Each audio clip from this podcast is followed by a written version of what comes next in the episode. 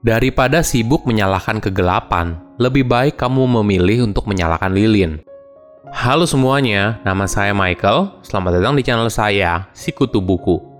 Kali ini saya akan bahas kisah inspiratif dari Benjamin Franklin, yang merupakan bapak pendiri Amerika Serikat. Selain itu, banyak orang mengenalnya dari eksperimen layang-layang yang diterbangkan saat hujan badai. Sebelum kita mulai, buat kalian yang mau support channel ini agar terus berkarya, Caranya gampang banget. Kalian cukup klik subscribe dan nyalakan loncengnya. Dukungan kalian membantu banget supaya kita bisa rutin posting dan bersama-sama belajar di channel ini. Benjamin Franklin lahir pada keluarga yang sederhana di Boston pada tahun 1706. Ayahnya merupakan pembuat lilin dan sabun. Pendidikan formal Ben boleh dibilang terbatas dan berakhir ketika usianya 10 tahun. Waktu belajar di sekolah hanya 2 tahun, karena penghasilan ayahnya yang rendah dan sumber daya yang terbatas. Walaupun begitu, Ben merupakan anak yang hobi membaca dan belajar secara otodidak hingga menjadi penulis yang handal. Dia bahkan mampu membaca ratusan buku dalam setahun dan menuliskan berbagai catatan penting. Pada tahun 1718, dia menjadi karyawan magang kakak laki-lakinya yang bekerja sebagai pencetak kertas. Ketika Ben berusia 15 tahun, kakaknya mendirikan The New England Courant yang boleh dibilang sebagai koran lokal pertama di Boston. Karena hobi menulis, Ben ingin sekali menulis artikel yang kemudian dipublikasikan di koran tersebut. Namun dia tahu kalau kakaknya tidak akan mengizinkannya, karena dianggap Ben hanyalah karyawan magang rendahan. Dia pun tidak putus asa, Ben mulai menulis artikel setiap malam dan menaruh surat tersebut di bawah toko kakaknya. Jadi, tidak ada yang tahu siapa yang mengirim surat tersebut. Ben menggunakan nama samaran Silence Dogood yang merupakan seorang janda fiksi yang rajin menuliskan nasihat bijak dan sangat kritis tentang bagaimana wanita diperlakukan pada masa itu. Tanpa disangka, tulisan Silence Dogood langsung jadi primadona, dan semua orang penasaran siapa sosok wanita tersebut. Setelah 14 surat yang dia kirimkan, akhirnya Ben mengaku kalau selama ini dialah yang menulis artikel tersebut. Namun kakaknya malah cemburu atas keahlian Ben. Hingga akhirnya, Ben melarikan diri dari Boston pada tahun 1723. Saat itu, melarikan diri merupakan hal yang ilegal. Di awal Amerika, setiap orang sudah punya tempatnya dalam masyarakat, dan orang yang melarikan diri tidak memiliki tempat di mana pun. Walaupun begitu, Ben tetap pergi ke New York dengan perahu untuk mencari pekerjaan bagian percetakan. Namun sayangnya tidak ada. Dia pun lalu berjalan ke New Jersey dan akhirnya tiba di Philadelphia. Di sana, akhirnya Ben berhasil mendapatkan pekerjaan sebagai karyawan magang percetakan.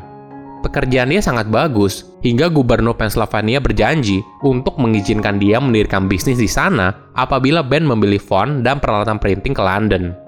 Namun sayangnya, gubernur itu ingkar janji dan Ben terpaksa harus menghabiskan beberapa bulan di London untuk bekerja di sana. Sekembalinya ke Philadelphia, Ben kembali lagi menjadi pembantu percetakan. Namun dia yakin kalau dia bisa menjadi pebisnis percetakan yang lebih baik. Ben lalu meminjam uang untuk membangun bisnisnya. Berkat ketekunannya, banyak orang mulai memberikan pesanan kepada dirinya. Ben juga berhasil mendapatkan kontrak untuk melakukan pekerjaan pemerintah. Dan bisnisnya mulai berkembang pada tahun 1730-an hingga 1740-an.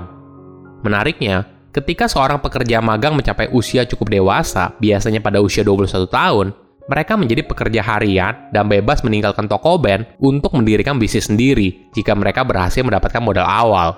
Ben tidak melihatnya sebagai resiko bisnis ketika menemukan salah satu pekerja hariannya menjadi pesaing. Alih-alih, Ben melihatnya sebagai ide bisnis potensial untuk merawat labakan dan memberi mereka peralatan dan bahan yang dibutuhkan. Sehingga mereka dapat berubah menjadi mitra percetakan di kota bagian yang lain, di mana tidak ada bisnis semacam itu. Sebagai imbalannya, Ben mendapatkan sepertiga dari keuntungan tahunan mereka dan membantunya menembus pasar yang baru.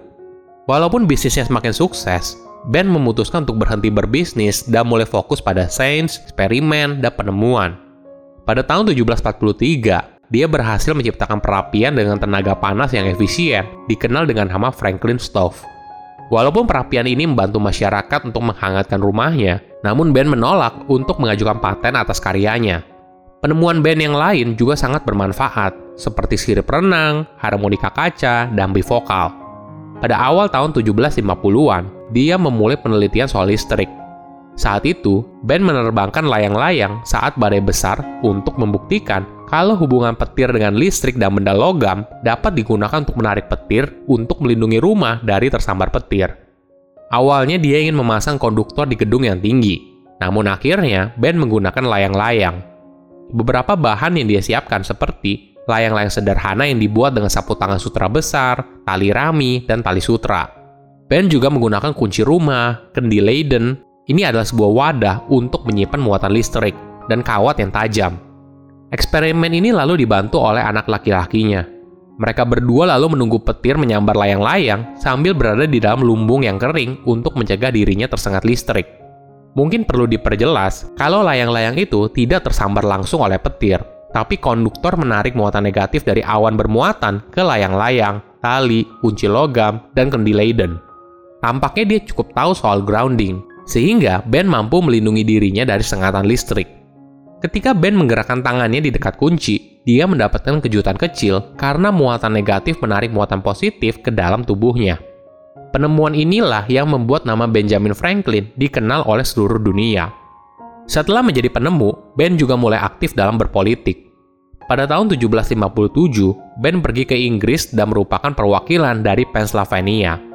Selanjutnya, dia tetap tinggal di sana dan pada tahun 1775, Ben bukan hanya perwakilan koloni untuk Pennsylvania, tapi juga untuk Georgia, New Jersey, dan Massachusetts.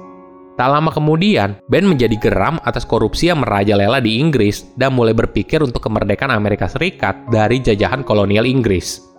Pada tahun 1776, Ben merupakan salah satu dari lima anggota komite yang menyusun naskah deklarasi kemerdekaan, di mana 13 koloni Amerika memproklamasikan kemerdekaan dari jajahan Inggris.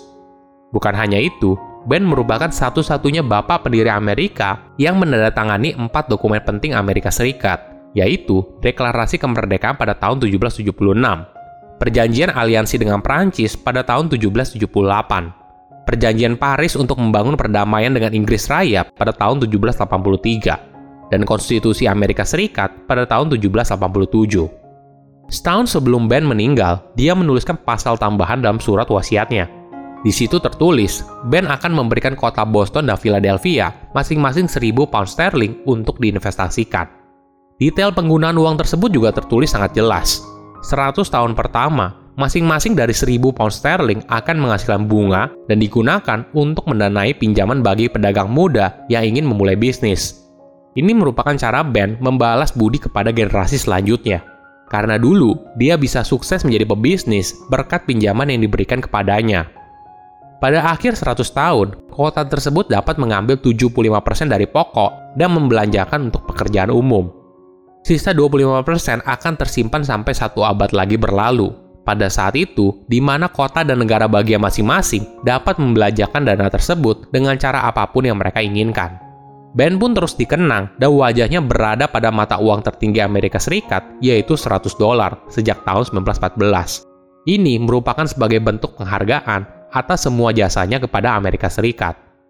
Jika kamu ingin terus diingat ketika kamu sudah meninggal, maka entah menulis sesuatu yang layak untuk dibaca atau melakukan sesuatu yang layak untuk ditulis. Silahkan komen di kolom komentar pelajaran apa yang kalian dapat ketika tahu informasi ini. Selain itu, komen juga Mau tahu informasi apa lagi yang saya review di video berikutnya? Saya undur diri, jangan lupa subscribe channel YouTube Sikutu Buku. Bye bye.